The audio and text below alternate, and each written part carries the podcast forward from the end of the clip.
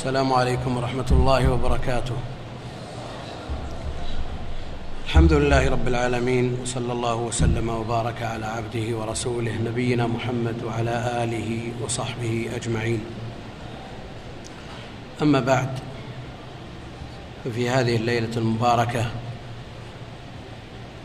التي نتحدث فيها مع إخوة فضلاء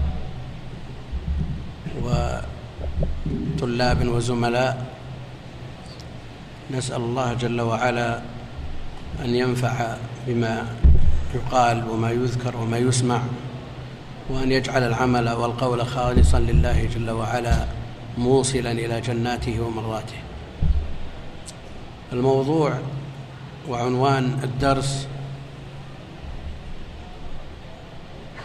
مفاجئ ولم يرتب له.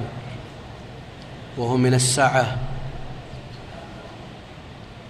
والانتشار في نصوص الكتاب والسنة بحيث لا يستطاع جمع أطرافه في مدة يسيرة ولا الحديث عنه في ساعة قصيرة. هذا الموضوع وهو مكانة النبي صلى الله عليه وسلم موضوع عظيم تبعا لعظمة المتحدث عنه وهو سيد البشر وأفضل الخلق وأعلمهم وأتقاهم وأخشاهم لله عز وجل. هذا الرجل العظيم الرسول الكريم هو أكرم الخلق على الله جل وعلا. ولا نجاة لأحد كائنا من كان إلا بعد معرفته ومعرفة ما جاء به والإيمان به وبما جاء به على مراده عليه الصلاة والسلام. معرفة النبي صلى الله عليه وسلم أحد الأصول الثلاثة التي يجب على كل مسلم ومسلمة معرفتها. وليس المراد معرفة حفظ دون معرفة عمل. لأن الإنسان مهما بلغ من المراتب العليا في الدراسات وغيرها ولو كان تخصصه في السيرة النبوية وصار أعرف الناس بها لكنه لا يتبع ولا يعمل. ما الذي يفيده هذا العلم؟ إذا سئل في قبره عن ربه وعن دينه وعن نبيه لن يستطيع الجواب ما لم يكن متابعا للنبي عليه الصلاة والسلام ولو تخصص في السيرة. لأنه إن لم يكن مؤمنا فلن يجيب. لأن المنافق والمرتاب ولو كان في دنياه من أعرف الناس بالسيرة فإنه لا محالة سوف يقول ها ها لا أدري كنت أسمع الناس يقولون شيئا فقلت. فالمعول على المتابعة. هذا الأصل العظيم. من الأصول الثلاثة التي هي معرفة الله جل وعلا ومعرفة دين الإسلام ومعرفة نبيه عليه الصلاة والسلام اقترانه عليه الصلاة والسلام بمعرفته اقتران معرفته بمعرفة الله جل وعلا ومعرفة الدين الذي من أجله خلق الناس. العبادة. في هذا بيان لمكانته عليه الصلاة والسلام. بداية الامتحان. الحقيقي إنما تكون بالسؤال عن الله عز وجل وعن دينه وعن نبيه عليه الصلاة والسلام. هذا النبي العظيم قرنت الشهادة له بالرسالة بالشهادة لله جل وعز بالألوهية. فلا يصح دين إلا بشهادة أن لا إله إلا الله وأن محمدا رسول الله. أمرت أن أقاتل الناس حتى يقولوا لا إله إلا الله. ومن لازم صحة لا إله إلا الله. الشهادة لهذا الرسول الكريم بأنه عبد الله ورسوله.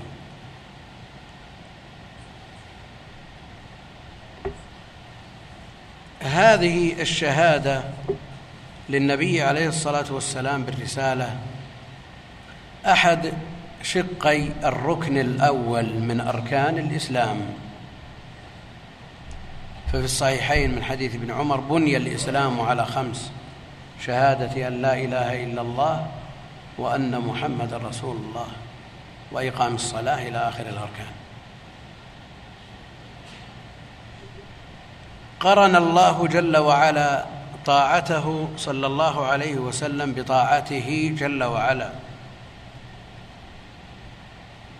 من يطع الرسول فقد أطاع الله. بل اشترط لطاعة لقبول طاعته طاعة الرسول عليه الصلاة والسلام. من يطع الرسول فقد أطاع الله. والهداية لا تحصل إلا لمن اتبعه وأطاعه. فاتبعوه لعلكم تهتدون. وإن تطيعوه تهتدوا. طاعة الرسول عليه الصلاة والسلام هي السبب في محبة الله للعبد. طاعة الرسول واتباعه عليه الصلاة والسلام هي محبة الله للعبد هي السبب في محبة الله جل وعلا لعبده. قال جل وعلا قل إن كنتم تحبون الله فاتبعوني يحببكم الله. طاعته عليه الصلاة والسلام تجعل المطيع رفيقا لأعظم الخلق وأشرفهم وأكرمهم. من يطع الله والرسول فأولئك مع الذين أنعم الله عليهم من النبيين والصديقين والشهداء والصالحين. وحسن أولئك رفيقا. الرسول عليه الصلاة والسلام بعث إلى الناس كافة. بعث إلى الثقلين الجن والإنس. لا يسع أحدا الخروج عن شريعته عليه الصلاة والسلام ولو تعبد بعبادة منزلة من الله جل وعلا. فمن النواقض المعروفة عند أهل العلم من زعم أنه يسعه الخروج عن ملة محمد صلى الله عليه وسلم كما وسع الخضر الخروج عن شريعة موسى فهذا لا شك في كفره وأنه من أهل النار. نسأل الله السلامة والعافية. والنبي عليه الصلاة والسلام يقول والله لا يسمع بي يهودي ولا نصراني فلا يؤمن بي إلا دخل النار. وذلكم لعموم رسالته عليه الصلاة والسلام إلى الثقلين بخلاف غيره من الأنبياء. فقد كان النبي يبعث إلى قومه خاصة. والنبي عليه الصلاة والسلام بعث إلى الناس عامة كما في حديث الخصائص المشهور. وفي الحديث الصحيح لو كان موسى حيا ما وسعه إلا اتباعي. لو كان موسى حيا ما وسعه إلا اتباعي. وجاء ما يدل على أن عيسى عليه السلام إذا نزل في آخر الزمان إنما يحكم بشريعة محمد صلى الله عليه وسلم. يقول الله جل وعلا وإذ أخذ الله ميثاق النبيين لما آتيتكم من كتاب وحكمة ثم جاءكم رسول مصدق لما معكم لتؤمنن به ولتنصرنه يقول ابن الجوزي فجعل الأنبياء كالأتباع له عليه الصلاة والسلام. وألهمهم الانقياد فلو أدركوه وجب عليهم اتباعه. الله جل وعلا خاطب كل نبي باسمه. فقال يا آدم اسكن. ويا نوح اهبط. ويا إبراهيم ويا موسى إن اصطفيتك على الناس ويا داود إنا جعلناك ويا عيسى ابن مريم ويا زكريا إنا نبشرك ويا يا يحيى خذ الكتاب بقوة. نادى الأنبياء بأسمائهم. ولم يخاطب النبي عليه الصلاة والسلام بالاسم تعظيما له بل قال يا أيها النبي يا أيها الرسول فإذا فلما ذكر اسمه للتعريف قرن قرنه بذكر الرسالة. فقال تعالى وما محمد إلا رسول قد خلت من قبله الرسل. محمد رسول الله والذين معه أشداء على الكفار. فإذا ذكر باسمه المجرد قرن بما يدل على منزلته من الرسالة والنبوة. وقرن الله جل وعلا اسمه باسمه عليه الصلاة والسلام فقال أطيعوا الله وأطيعوا الرسول وقال ويطيعون الله ورسوله وقال فردوه إلى الله والرسول وقال وما نقموا إلا أن أغناهم الله ورسوله إن الذين يؤذون الله ورسوله وقال ألم يعلموا أنه من يحادد الله ورسوله؟ قال ولا يحرمون ما حرم الله ورسوله. ولذا جاء في الحديث من حديث أبي سعيد الخدري في تفسير قول الله جل وعلا ورفعنا لك ذكرك. ورفعنا لك ذكرك. جاء في التفسير عن مجاهد أنه قال لا أذكر إلا ذكرت معي. أشهد أن لا إله إلا الله وأشهد أن محمدا رسول الله. وعن قتادة ورفعنا لك ذكرك. رفع الله ذكره في الدنيا والآخرة. فليس خطيب ولا متشهد ولا صاحب صلاة إلا ينادي. أشهد أن لا إله إلا الله وأشهد أن محمدا رسول الله. ذكر ذلك ابن جرير في تفسيره بأسانيده ثم ذكر حديث أبي سعيد مرفوعا. قال أتاني جبريل؟ فقال إن ربي وربك يقول كيف رفعت لك ذكرك؟ كيف رفعت لك ذكرك؟ قال الله أعلم. قال إذا ذكرت ذكرت معي. وهذا الحديث لا يسلم من مقال لأن في إسناده عند ابن جرير دراجا ابا السمح عن أبي الهيثم يقول ابن حجر في التقريب دراج أبو السمح السهمي مولاهم المصري صدوق. في حديثه عن هي عن أبي الهيثم ضعف. وقال ابن كثير ورواه أبو يعلى من طريق ابن لهيعة عن دراج. وعلى كل حال الآية تشهد له. لا أذكر إلا تذكر معي. إذا ذكرت ذكرت معي. هذا من رفع الله جل وعلا لذكره عليه الصلاة والسلام. لكن هل يعني هذا أننا نكتفي أو نذكر اسم النبي عليه الصلاة والسلام مقرونا باسمه جل وعلا في محاريب مساجدنا أو ضمن زخارف بيوتنا. هل هذا العمل مشروع؟ ويدخل في قوله لا أذكر إلا وتذكر معي. هل هذا مبرر لأن يذكر لفظ الجلالة الله ويجعل بإزائه لفظ النبي عليه الصلاة والسلام استنادا إلى هذا الحديث. بعضهم يبرر هذا الصنيع بمثل بهذا الحديث. وأن هذا من ذكر من رفع ذكره عليه الصلاة والسلام. يرفع فوق المنام فوق المحاريب. ويذكر أيضا ضمن زخارف ما يزخرف من بيوت وغيرها. هل هذا مبرر لمثل هذا الصنيع أو نقول أن هذا جمع بين الله جل وعلا وبين نبيه فيما لا يسوغ فيه الجمع ويكون مستند الجمع ومن يعصهما. فقد غوى وقال النبي عليه الصلاة والسلام بئس خطيب القوم أنت فهل يستدل بالحديث على شرعية مثل هذا العمل؟ أو نقول إنه ممنوع؟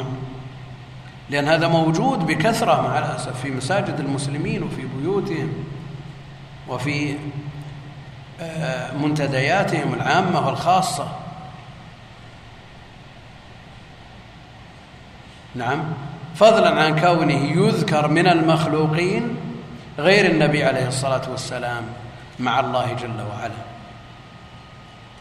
نقول مثل هذا ومثل هذه الكتابات ومثل هذه التعاليق على الستور وعلى الجدران سواء كانت بهذه الصفة بالأسماء بأسماء الله جل وعلا أو بأسماء نبيه عليه الصلاة والسلام وأعظم من ذلك القرآن الكريم. كون مثل هذه الأمور تذكر وتزخرف بها البيوت والمساجد لا شك أن هذا ليس عليه سلف هذه الأمة وهو من الامتهان لآيات الله جل وعلا. وقد صدرت الفتوى بمنع مثل هذا. قد يقول قائل أنا أجعل في المجلس عندي آية الكرسي ودعاء القيام من المجلس الكفارة كفارة المجلس ليتذكر بها الغافل.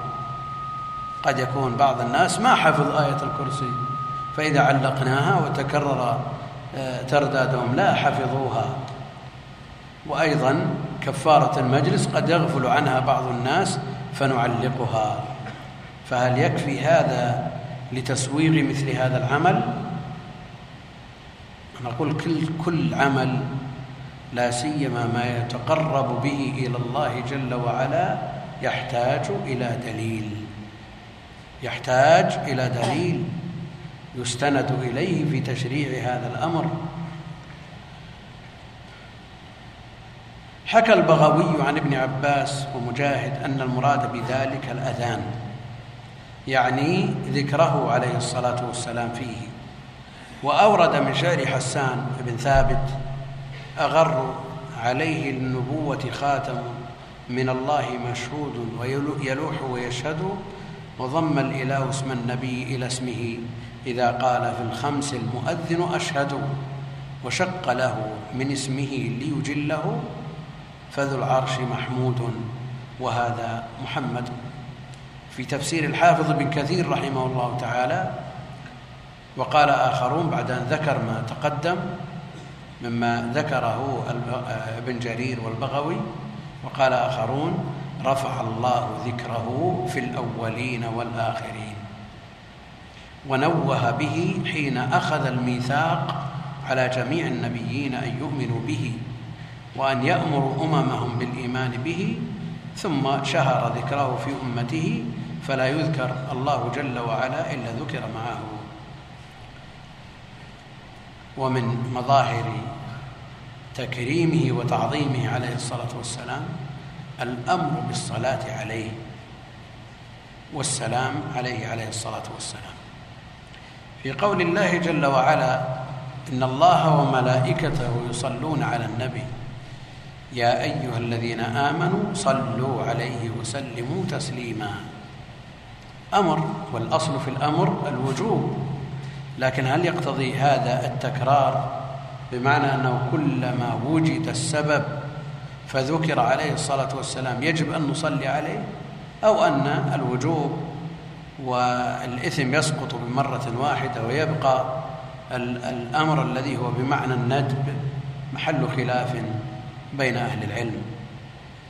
هل يجب الصلاة والسلام عليه كلما ذكر أو يكتفى بالصلاة عليه مرة والباقي على سبيل الاستحباب؟ ولا شك أن الأمر أصله الوجوب الأمر أصله الوجوب. ثم بعد ذلك جاء ما يدل عليه من قوله عليه الصلاة والسلام البخيل من ذكرت عنده فلم يصلي علي ورغم أنف من ذكرت عنده فلم يصلي علي عليه الصلاة والسلام. ولا يتم الامتثال أعني امتثال الأمر إلا بالجمع بين الصلاة والسلام. فإذا ذكر تقول صلى الله عليه وسلم أو عليه الصلاة والسلام. فلا تختصر بحروف أو بحرف. حتى وجد في كتب علوم الحديث أن أول من كتب المختصر ذا الرمز صلعم قطعت يده. ولا شك أن هذا حرمان. الاقتصار على الرمز سواء كان هذا الاقتصار على الحروف الأربعة أو على حرف واحد كله حرمان لا يتم به الامتثال. ومن الناس وهو يصلي على النبي عليه الصلاة والسلام تجده يأكل بعض الحروف أو بعض الكلمات. مثل هذا لا يتم به الامتثال. بعض الناس يستعجل في كلامه فيأكل حروف أو كلمات. مثل هذا لا يتم حتى يحقق الصلاة والسلام عليه. عليه الصلاة والسلام. كذلك لا يتم الامتثال إلا بالجمع بين الصلاة والسلام عليه الصلاة والسلام. فلا يكتفي بالصلاة ولا يكتفي بالسلام. فلا يقول أحيانا إذا طال الكلام نسي السلام. فأحيانا يقول بعض الناس صلى الله عليه وعلى آله وصحبه أجمعين. ثم ينسى وسلم كما فعل الإمام مسلم في صحيحه. ومنهم من يقتصر على قوله عليه السلام. ولا شك أنه لا يتم الامتثال إلا بالجمع بينهما لأن الله جل وعلا أمر بهما جميعا. صلوا عليه وسلموا تسليما.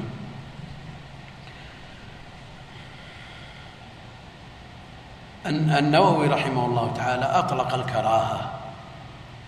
أطلق الكراهة. في شرحه على صحيح مسلم أطلق الكراهة في الاقتصار على الصلاة أو العكس. الصلاة دون السلام أو السلام دون الصلاة. والحافظ بن حجر يقول الكراهة لا تتجه إلا بالنسبة لمن كان ديدنه ذلك. يعني باستمرار. يصلي ولا يسلم أو يسلم ولا يصلي. أما من كان يجمع بينهما وأحيانا يقتصر على الصلاة وأحيانا يقتصر على السلام فهذا لا تتناوله الكراهة. وعلى كل حال الامتثال لا يتم إلا بالجمع بينهما. هذا بالنسبة للصلاة والسلام عليه خارج الصلاة. وأما الصلاة عليه في الصلاة بعد التشهد فهو ركن من أركانها من أركان الصلاة عند الحنابلة لا تصح إلا به. لا تصح إلا به. الصلاة باطلة إذا لم يصلي على النبي عليه الصلاة والسلام. الصلاة عند الحنابلة باطلة إذا لم يصلي على النبي عليه الصلاة والسلام. وجعل الله جل وعلا لنبيه من الخصائص ما ليس لغيره من الأنبياء.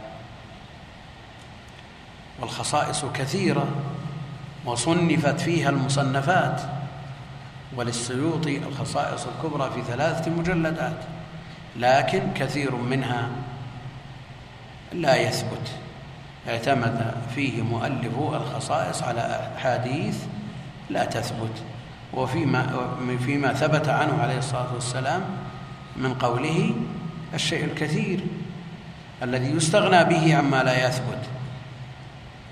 ولأمته ما ما ليس لغيرها من الخصائص من الأمم مما جعلها خير أمة أخرجت للناس. ما جعلها خير أمة أخرجت للناس. فهذه الأمة المحمدية خير الأمم على الإطلاق. خير الأمم على الإطلاق. لكن شريطة أن تتصف بالأسباب التي من أجلها جعلت خير أمة أخرجت للناس. كما قال جل وعلا كنتم خير أمة أخرجت للناس تأمرون بالمعروف وتنهون عن المنكر وتؤمنون بالله. فمن أهم الخصائص والمزايا التي جعلت هذه الأمة بهذه المثابة خير الأمم إنما هو شعيرة الأمر بالمعروف والنهي عن المنكر. ولذا قدم في الآية على الإيمان. تأمرون بالمعروف وتنهون عن المنكر وتؤمنون بالله. هل يصح الأمر بالمعروف والنهي عن المنكر من غير إيمان بالله جل وعلا؟ لا يصح. لا يصح. من شرط صحته صدوره من مؤمن. يؤمن بالله جل وعلا ولكن قدم الأمر بالمعروف والنهي عن المنكر للاهتمام به والعناية بشأنه وأنه هو السبب. أما الإيمان بالله جل وعلا فهو موجود في هذه الأمة وفي غيرها من الأمم. وجعل الناس جعل الله جل وعلا الناس يحشرون تحت لوائه فهو حامل لواء الحمد. والأمم تفزع إليه لتفريج هم الموقف. يتجهون إلى آدم فيعتذر ثم يتجهون إلى نوح فيذكر عذره ثم يتجهون إلى إبراهيم ثم موسى ثم عيسى ثم يأتون إلى النبي عليه الصلاة والسلام لتخليصهم من هذا الموقف. فيقول عليه الصلاة والسلام كما في الحديث الصحيح أنا لا أنا لا. ولا شك أن هذه مزية له عليه الصلاة والسلام وشرف عظيم يفاق به الأنبياء. وهو جل وعلا كما قال عن نفسه سيد ولد آدم ولا فخر. سيد ولد آدم ولا فخر فهو الأفضل الأنبياء وأشرف المرسلين. وأما ما جاء عنه عليه الصلاة والسلام من النهي عن التفضيل بين الأنبياء جاء عنه قوله عليه الصلاة والسلام في الصحيح تفضلوا بين الأنبياء؟ وجاء عنه عليه الصلاة والسلام لا تفضلوني على يونس بن متى؟ فكيف نقول أفضل؟ وهو يقول لا تفضلوني. ولو سئل الواحد منا قلنا أيهم أفضل محمد ولا موسى عليه عليهما الصلاة والسلام؟ لقال محمد دون تردد. وجاء عنه عليه الصلاة لا تفضلوا بين الأنبياء. ولا تفضلوني على يونس. هذا النهي إنما يتجه إذا اقتضى التفضيل تنقص المفضول تنقص المفضول. وإلا فالقرآن الكريم مصرح بالتفضيل. تلك الرسل فضلنا بعضهم على بعض وجاء في النصوص ما يدل على فضله عليه الصلاة والسلام. والرسول عليه الصلاة والسلام أعلم الخلق وأتقاهم وأخشاهم لله عز وجل وهو أشجع الناس وهو أكرم الناس كما جاء بذلك الأحاديث الصحيحة وغير ذلك من الأخلاق والشمائل التي اجتمعت فيه صلى الله عليه وسلم مما شمله قوله جل وعلا وإنك لعلى خلق عظيم. وإنك لعلى خلق عظيم. قالت عائشة رضي الله عنها لما سئلت عن خلقه عليه الصلاة والسلام قالت كان خلقه القرآن. كان خلقه القرآن. فهو ترجمه عملية لما جاء في القرآن من امتثال تام للأوامر واجتناب للنواهي. فترجمه عملية لهذا الدين العظيم. وأوجب الله جل وعلا محبته على كل شيء. ففي الحديث الصحيح لا يؤمن أحدكم حتى أكون أحب إليه من والده وولده والناس أجمعين. وفي الصحيح أيضا من حديث عبد الله بن هشام رضي الله عنه قال كنا مع النبي صلى الله عليه وسلم وهو آخذ بيد عمر رضي الله تعالى عنه فقال له عمر يا رسول الله لأنت أحب إلي من كل شيء إلا نفسي. فقال عمر يا رسول الله لأنت أحب إلي من كل شيء إلا نفسي. فقال النبي عليه الصلاة والسلام لا والذي نفسي بيده حتى أكون أحب إليك من نفسك. فقال له عمر رضي الله عنه فإن فإنه الآن والله لأنت أحب إلي من نفسي. فقال له النبي عليه الصلاة والسلام الآن يا عمر. يعني هذه المحبة القلبية التي لا تتولد في لحظة. يعني هل يظن بعمر أنه قال ذلك مجاملة؟ يعني بعض الناس يقسم لغيره أنه أحب إليه من كل شيء والواقع خلاف ذلك. لكن هل يظن بعمر أنه يقول ولأنت الآن والله لأنت الآن أحب إلي حتى من نفسي. يعني قبل ثواني أحب إليه من كل شيء إلا من نفسه. فمقتضى ذلك أن نفسه أحب إليه من الرسول عليه الصلاة والسلام. في ثواني انقلبت فصار أحب إلى عمر حتى من نفسه رضي الله عنه وأرضاه. وقال الآن يا عمر يعني هذا الكلام قيل بحضرة المؤيد بالوحي.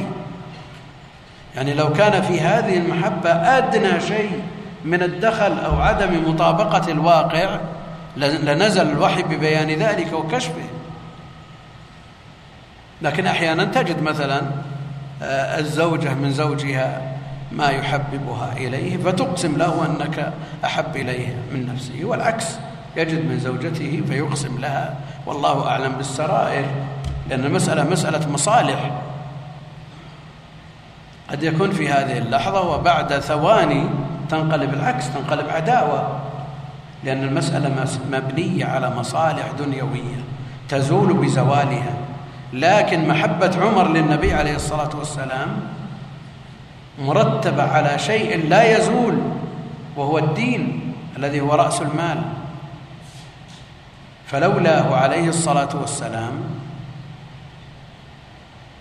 ما عرفنا كيف نعبد الله جل وعلا ولا عرفنا الله جل وعلا إلا بواسطته وما جاء به عن الله جل وعلا. وكل خير وصل إلينا ويوصلنا إلى مرضاة الله جل وعلا إنما هو من طريقه عليه الصلاة والسلام. فلا مصدر لنا غير ما جاء به من كتاب الله وسنة نبيه عليه الصلاة والسلام التي هي في الحقيقة وحي يوحى.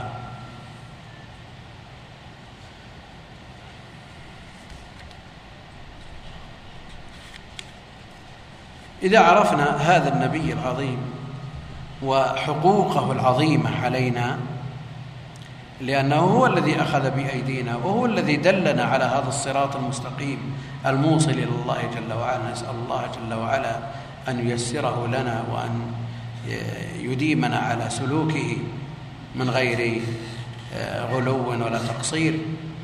إذا عرفنا هذا فالنبي عليه الصلاة والسلام له حقوق عظيمة. فمحبته التي تقدمت لا بد أن تكون أعظم عند الإنسان من نفسه. والمراد بذلك المحبة الشرعية. المحبة الشرعية. تترجم هذه المحبة بتقديم مراده عليه الصلاة والسلام وأمره على مراد غيره. فإذا طلبت الزوجة شيئا مما منعه الرسول عليه الصلاة والسلام ولبي الطلب وأحضر هذا المطلوب. هل هذا المدعي صادق في محبته للنبي عليه الصلاة والسلام؟ حينما تقول له زوجته أحضر لنا كذا مما حرمه الرسول عليه الصلاة والسلام هل نقول إن هذه المحبة صادقة؟ هذا الذي يدعي محبة النبي عليه الصلاة والسلام. وإذا ذكر النبي عليه الصلاة والسلام آه، تخاشع بين الناس ليظهر للناس أنه محب للرسول وإذا ذكر أو جاءت المناسبات التي تذكر بالنبي عليه الصلاة والسلام موالد وغيرها آه، بذل من نفسه ما يبذل مما يشق ومما لا يشق. هل نقول إن هذا صادق في محبته؟ لا محبة إلا باتباع والمحبة المجرد عن الاتباع هي مجرد دعوة. هي مجرد دعوة. تعصي الإله وأنت تزعم حبه هذا لعمري في القياس شنيع. لو كنت آه، لو كان حبك صادقا لأطعته إن المحب لمن يحب مطيع. يعني تقول أنا أحب الرسول أحب الله ورسوله ومع ذلك ترتكب المحرمات وإذا طلبت منك من زوجة أو ولد أو مدير أو أمير أو وزير بادرت بارتكاب ما حرمه الله جل وعلا وحرمه رسوله عليه الصلاة والسلام. وتقول أنا أحب الله وأحب رسوله. هذه دعوة يصدقها رفضك لهذا الطلب وأنه لا طاعة لمخلوق في معصية الخالق. إذا رفضت هذا الطلب عرفنا أنك تحب الله ورسوله. أما إذا أجبت هذا الطلب الذي يمنعه الله ورسوله عرفنا أنك مدعي. الله جل وعلا كفى رسوله المستهزئين وعصمه من الناس. يقول الله جل وعلا إن كفيناك المستهزئين الذين يجعلون مع الله إلها آخر فسوف يعلمون. قال ابن جرير رحمه الله تعالى يقول الله تعالى ذكره لنبيه محمد صلى الله عليه وسلم إنا كفيناك المستهزئين يا محمد الذين يستهزئون بك ويسخرون منك. فاصدع بأمر الله ولا تخف شيئا سوى الله.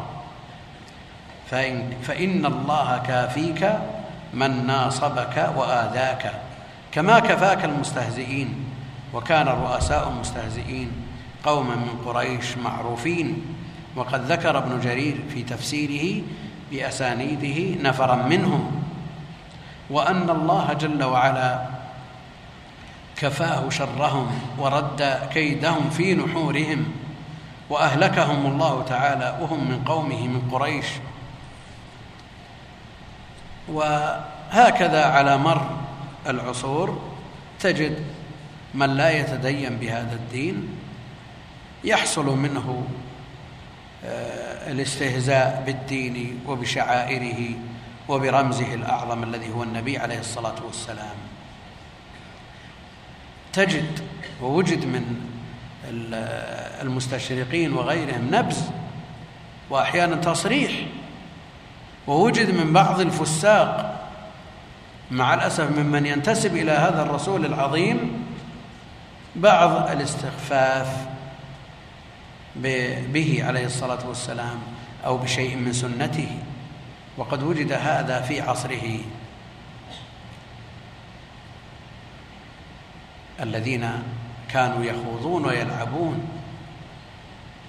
ولئن سألتهم ليقولن إن كنا نخوض ونلعب. قل أب الله وآياته ورسوله كنتم تستهزئون. لا تعتذروا قد كفرتم. وهذا موجود في القديم والحديث. من يستهزئ بالنبي عليه الصلاة والسلام ويستهزئ بشيء من سننه وشعائر دينه وهؤلاء سلفهم الذين حكم عليهم الله جل وعلا بالكفر لأنهم منافقون. وأما بالنسبة للكفار فوصفوه عليه الصلاة والسلام في عصره بأنه ساحر وأنه كاهن وأنه وأنه صابئ وأنه إلى أوصاف كثيرة جاءت بها النصوص. وفي أيامنا الأخيرة قام ثلة من عباد الصليب من النصارى بإعادة ما كفاه الله جل وعلا إياه فنشروا صورا مسيئة لشخصه عليه الصلاة والسلام. فهذه الصور أثارت حفيظة المسلمين وأغضبتهم وأعلنوا نكيرهم وشجبهم لهذا المنكر والداعي لهذه التصرفات في تقدير هذه التصرفات المشينة الداعي لها ما غاضهم وأثارهم من انتشار الإسلام في ديارهم. صار الناس يدخلون في دين الله افواجا. وليس بأيديهم إلا أن يشوهوا هذا الدين وأن يشوهوا هذا النبي الكريم الذي جاء بهذا الدين. فالداعي لهذه التصرفات المشينة من تلك الطغمة المقيتة سببها في تقديري انتشار الإسلام الواسع في بلادهم. فأرادوا بذلك الصد عن دين الله بحيث صار الناس يدخلون في دين الله افواجا فصارت ديار الكفار عليهم فضاقت ديارهم عليهم بما رحبت لما رأوا من انتشاره الواسع في ديارهم. وهذا الحدث وإن كان منكرا يجب إنكاره ولا يجوز إقراره. ولا يجوز لمسلم أن يرضى به أو يسكت عن إنكاره وهو يقدر على ذلك إلا أن فيه مصالح عظيمة للمسلمين أنفسهم. ولدين الإسلام. فازداد السؤال عن النبي عليه الصلاة والسلام من قبل الكفار أنفسهم واطلعوا اطلعوا على شيء من سيرته وعرف المسلمون ما يكنه الكفار لهم من العداوة والبغضاء والحنق على الدين وأهله. قد بدت البغضاء من أفواههم وما تخفي صدورهم أكبر. هذا بالنسبة للكفار. بالنسبة للمسلمين عرفوا عدوهم وأنهم مهما طنطنوا بالمساواة والعدالة والإخاء هذا كله هباء لا قيمة له. وتبقى عداوة الدين مغروسة في النفوس. أيضا في هذا إيقاظ للمسلمين أنفسهم. إيقاظ للمسلمين أنفسهم. فكثير من بيوت المسلمين وهم يقولون في كل لحظة أشهد أن لا إله إلا الله وأشهد أن محمدا رسول الله ويزعمون اتباع النبي عليه الصلاة والسلام في كثير من بيوت المسلمين الجهل المطبق بالنبي عليه الصلاة والسلام. لا يعرفون إلا اسمه. ومع الأسف أنه حتى في دروس العلم تقلصت الدروس المتعلقة بسيرته عليه الصلاة والسلام وشمائله وخصائصه. تقلصت الدروس. فإننا لا نسمع من يدرس السيرة إلا القليل النادر. وحتى في الدراسات النظامية ما أعطيت السيرة حقها من الدراسة. وبعضهم يجعل السيرة جزء من أجزاء التاريخ. ويقول عنايتنا بأمور الشرع. كيف؟ السيرة جزء من السنة. جزء من السنة. فالسنة والحديث عبارة عن أقوال النبي عليه الصلاة والسلام وأفعاله وتقريره وأوصافه الخلقية والخلقية. فهذا جزء من السنة لا بد من معرفته. وكيف يتسنى لنا أن نتبع وأن نعمل وأن نحب الرسول عليه الصلاة والسلام ونحن لا نعرف عنه شيئا. لا بد من الاهتمام في هذا الجانب. وفي هذا الحدث حصل ضد ما قصده أولئك الأعداء. سمع المسلمون وقرأوا من خلال وسائل الإعلام المسموعة والمقروءة والمرئية ومن خلال الخطب والدروس والمحاضرات وغيرها سمعوا عنه عليه الصلاة والسلام الشيء الكثير والتفت كثير من طلاب العلم إلى دراسة هذه الجوانب من جوانب الشريعة الهامة المتعلقة بشخصه عليه الصلاة والسلام.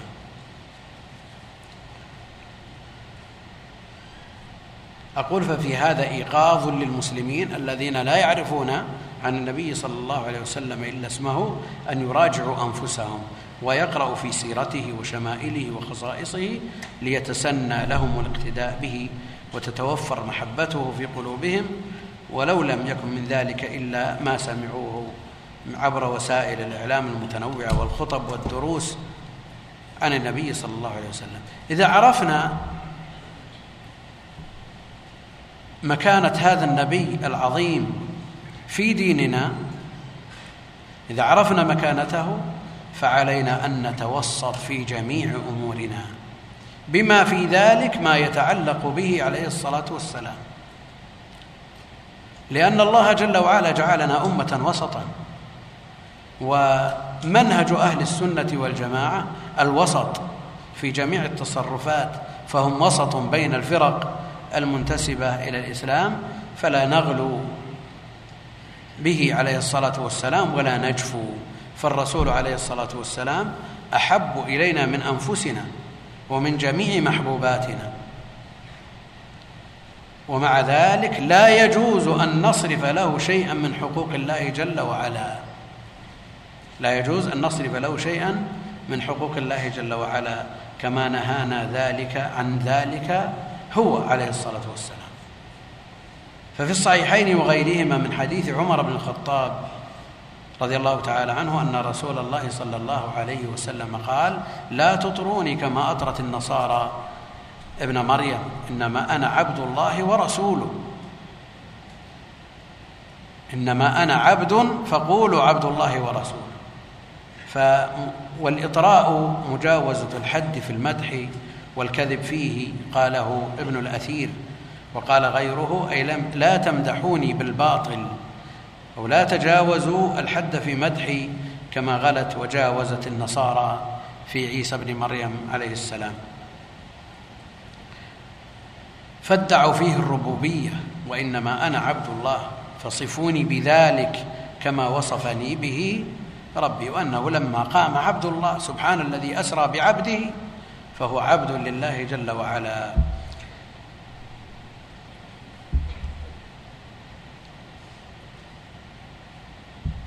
افترقت هذه الأمة بالنسبة له عليه الصلاة والسلام إلى طرفين ووسط. طرف غلوا به عليه الصلاة والسلام وطرف جفوا والوسط هم الذين عرفوا قدره وعظموه ووقروه وأحبوه أحب من أنفسهم ومن جميع ما يملكون من والد وولد ومن الناس أجمعين. لكنهم عرفوا حقوق الله جل وعلا ولم يصرفوا لنبيه عليه الصلاة والسلام شيئا من حقوقه. فأبى الغلاة إلا مخالفة لأمره وارتكابا لنهيه وناقضوه أعظم المناقضة وظنوا أنهم إذا وصفوه بأنه عبد الله ورسوله وأنه لا يدعى ولا يستغاث به ولا ينذر له ولا يطاف بحجرته ولا قبره وأنه ليس له من الأمر شيء كما قال الله جل وعلا ليس لك من الأمر شيء. يعني إذا صرحوا بهذا قالوا أن ظنوا أنهم لم يقدروا قدرهم. كذلك إذا اعتقدوا أنه لا يعلم من الغيب إلا ما أعلمه الله جل وعلا. اعتقدوا أن في ذلك هضما لجنابه عليه الصلاة والسلام وغضا من قدره فرفعوه فوق منزلته وادعوا فيه ما ادعت النصارى في عيسى أو قريبا منه فسألوه المغفرة الذنوب وتفريج الكروب. وقد ذكر شيخ الإسلام ابن تيمية في كتاب الاستغاثة عن بعض أهل زمانه أنه جوز الاستغاثة بالنبي صلى الله عليه وسلم. في كل ما يستغاث فيه بالله جل وعلا وصنف في ذلك مصنفا. وكان يقول إن النبي عليه الصلاة والسلام يعلم مفاتيح الغيب التي لا يعلمها إلا الله.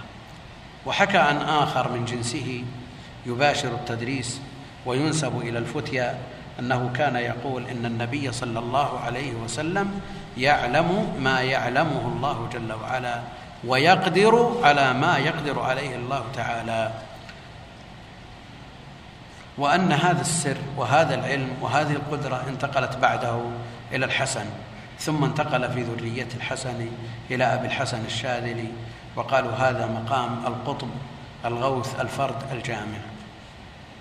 ولا يقال إن هذه الأمور انتهت. لا يقال أن مثل هذه الأمور انتهت. لكل قوم وارث. سمعت باذني من يقول في أقدس البقاع يا أبا عبد الله جئنا بيتك وقصدنا حرمك نرجو مغفرتك. يعني قد يقول قائل إن هذه فئة انقرضت مثل ما انقرض غيرها من الطوائف. نقول هذه الفئة موجودة الآن وإذا كانوا قد ألفوا كما قال شيخ الإسلام ابن تيمية رحمه الله تعالى في منهاج السنة قال أنه وجد من ألف بل سماه من ألف في مناسك المشاهد. نسأل الله السلامة والعافية. فجعلت هذه المشاهد بمثابة بيت الله الكعبة المشرفة. فألفوا في مناسكها. إيه، من الأمثلة التي إيه، تذكر في هذا المجال من الغلو الذي يجاوز الحد بل يحكم على صاحبه بأنه صرف العبودية التي لا تجوز إلا الله جل وعلا والعلوم التي والأمور التي لا يعلمها إلا الله جل وعلا صرفها لنبيه عليه الصلاة والسلام. من ذلكم قول البوصيري. في بردته الشهيرة. فإن من جودك الدنيا وضرتها ومن علومك علم اللوح والقلم. فجعل الدنيا والآخرة من جوده وجزم بأنه يعلم ما في اللوح المحفوظ. وهذا هو الذي حكاه شيخ الإسلام عن ذلك المدرس وكل ذلك كفر صريح ومن العجب أن الشيطان أظهر ذلك لهم في صورة محبته عليه الصلاة والسلام وتعظيمه ومتابعته. وهذا شأن اللعين. إبليس لا يأتي مباشرة إلى المسلم ويذكر له الشيء الواضح الصريح المخالفة الواضحة ويقول ارتكبها. لا يمزج. يمزج الحق بالباطل ليروج. ولو جاء بالباطل مجردا لما راج. فيمزج الحق بالباطل ليروج على أشباه الأنعام أتباع كل ناعق الذين لم يستضيئوا بنور العلم ولم يلجأوا إلى ركن وثيق لأن هذا ليس بتعظيم فإن التعظيم محله القلب واللسان والجوارح وهم أبعد الناس منه فإن التعظيم إنما يكون آه، بالقلب. آه، فإن التعظيم بالقلب يتبع اعتقاد كونه عليه الصلاة والسلام عبدا رسولا. فإن التعظيم كما ذكرنا محله القلب واللسان والجوارح وهم أبعد الناس من ذلك.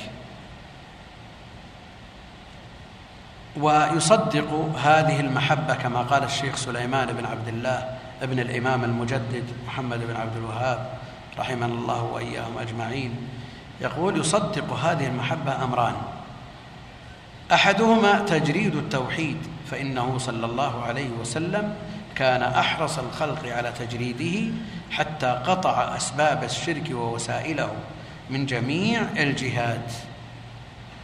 حتى قال له رجل ما شئت ما شاء الله وشئت قال أجعلتني لله ندا بل ما شاء الله وحده.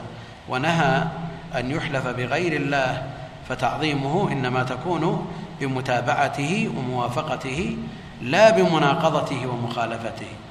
الأمر الثاني تجريد المتابعة له عليه الصلاة والسلام وتحكيم وتحكيمه وحده في الدقيق والجليل من أصول الدين وفروعه والرضا بحكمه والانقياد والتسليم والإعراض عما خالفه كما قال جل وعلا فلا وربك لا يؤمنون حتى يحكموك فيما شجر بينهم ثم لا يجدوا في أنفسهم حرجا مما قضيت ويسلموا تسليما. إذا كان كتاب تلخيص الاستغاثة والرد على البكري يعني بعض الناس يقول هذا الغلو انتهى ما هو موجود الآن. تلخيص كتاب الاستغاثة والرد على البكري الذي طبعه الملك عبد العزيز رحمه الله تأليف في المطبعة. تأليف شيخ الإسلام أحمد بن عبد الحليم بن عبد السلام بن تيمية. مالك النسخة. يشار إليه بالعلم لكنه نسأل الله السلامة والعافية منحرف.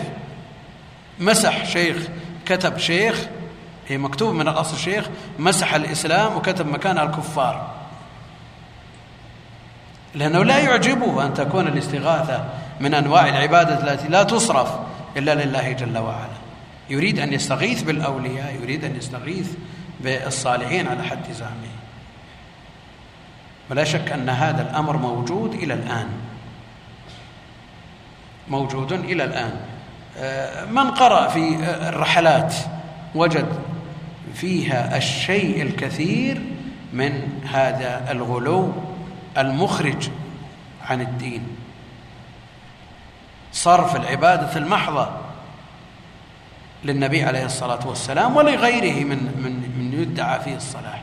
يعني في رحلة ابن بطوطة تجده يجلس الأيام يصرف الأيام والليالي يصعد جبل لينظر إلى قدم صالح شخص صالح وطئ في هذا الجبل. والتقى بأناس ادعى فيهم الصلاح وأنهم يديرون الكون ويصرفونه.